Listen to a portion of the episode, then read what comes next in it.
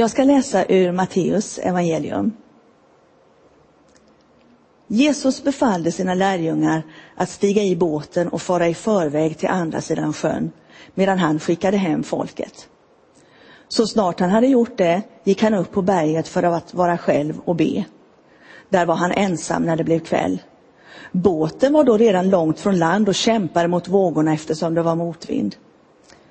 Strax före gryningen kom han till dem, gående på vattnet. När lärjungarna fick se honom gå på sjön blev de förskräckta och trodde att det var en vålnad och de skrek av rädsla. Men genast talade Jesus till dem och sa Lugn, det är jag, var inte rädda.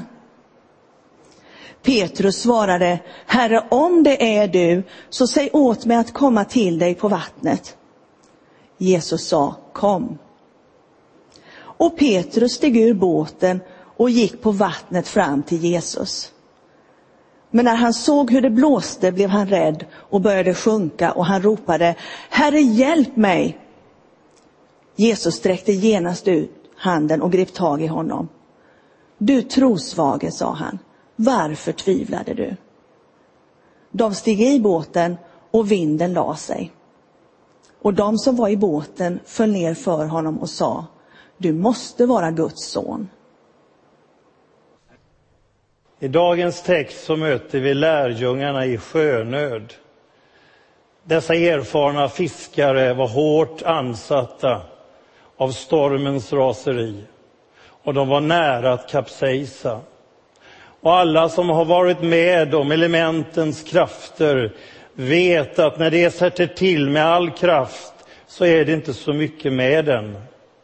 Och lärjungarna kämpade för sitt liv för att båten inte skulle sjunka. Och då, mitt i stormen, så hände det fullständigt otänkbara och oväntade.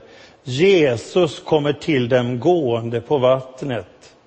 Lärjungarna fick panik. De trodde att det var en vålnad de såg, naturligt nog. Men Jesus kommer med de lugnande och förlösande orden och säger, var lugna, det är jag, var inte rädda. Han drog sig inte undan deras svårighet, utan han kom dem till mötes i sin hjälpande hand och närvaro. Hjälpen kom från ett fullständigt oväntat håll som ingen av dem hade kunnat räkna ut. Och ändå var hjälpen aldrig långt ifrån dem. Det kan ju tyckas märkligt att Jesus kunde gå på vatten. Men om han nu verkligen var den som lärjungarna här förstod att han var, Guds egen son, så hade det ju faktiskt varit märkligare om han inte kunde gå på vatten, eller hur?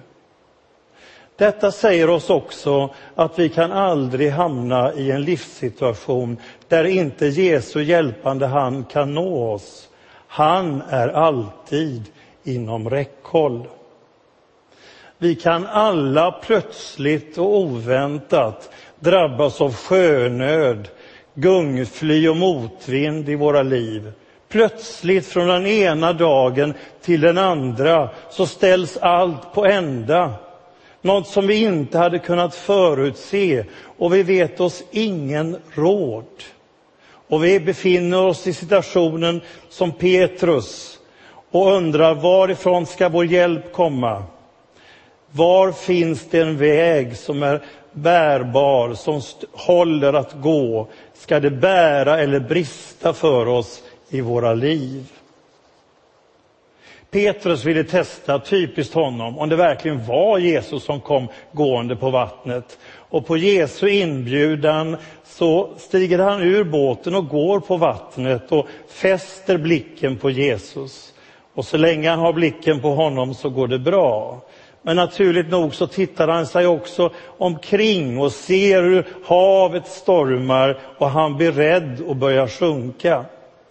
Jesus är genast där med sin hjälpande hand, tar upp Petrus in i båten och det blir lugnt och stilla. Intressant nog så begärde Jesus sedan skäl för tvivel och inte för tro. Är inte det lite väl tuffa puckar från Jesus? Vi är ju fostrade till kritiskt granskande, ifrågasättande och skepticism.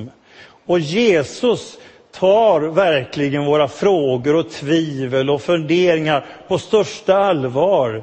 Och han sa till sin samtid, han utmanade dem och sa, testa och pröva om det jag säger är sant. Efterfölj mig, praktisera det jag säger och kolla själva för egen del, är detta sant? Resultatet ser vi i evangeliernas berättelser om människors livsförvandling i mötet med Jesus. Det finns mycket längtan efter tro i vårt samhälle.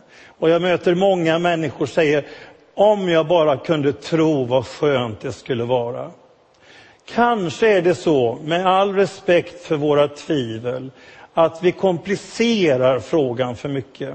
Att det skulle vara så svårt att tro eller att man måste ha en sån stark tro eller stor tro för att det ska hända någonting och få fart på det hela.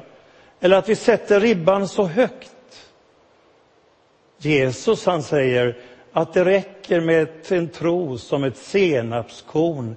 Det minsta av alla frön är gott nog. Liksom Jesus utmanade lärjungarna då, så utmanar han oss idag och begär skäl för tvivel och inte för tro. Kan det vara så att Jesus här ger oss hemligheten och nyckeln till att komma vidare till något som ger bärkraft, styrfart och som anger kursen till ett farbart vatten för våra liv? Är det kanske dags äntligen att kasta tvivlens barlast över bord.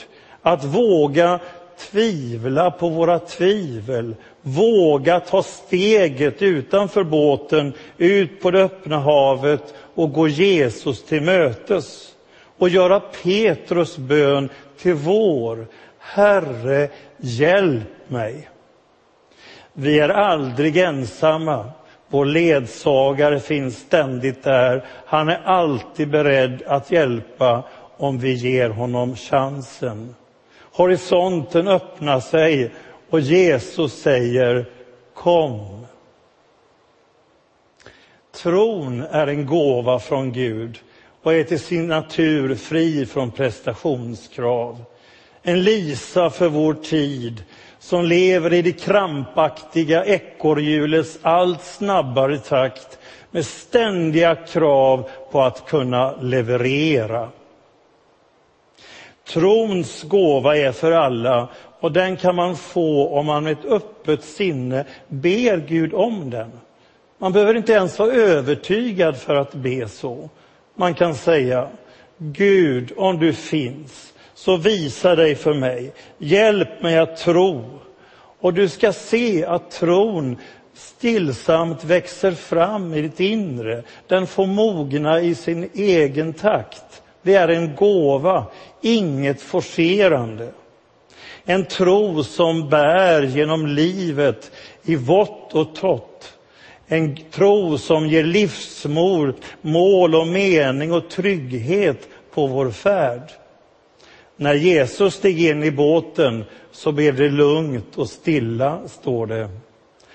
Det går en bro från tro till ro.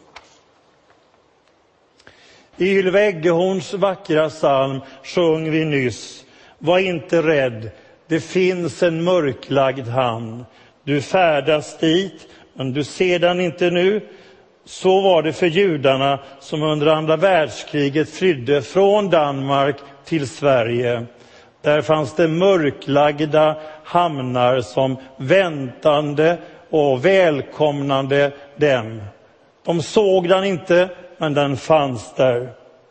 I ditt sökande och kanske i ditt mörker så finns det en mörklagd hamn i Guds famn.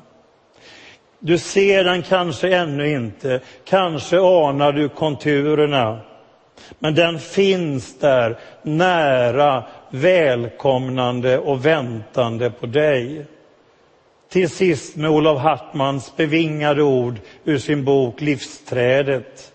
I mötet med Jesus är den enskilde unik, älskad av världens hjärta, inte borttappad i en massa utan eftersökt som vore hon den enda.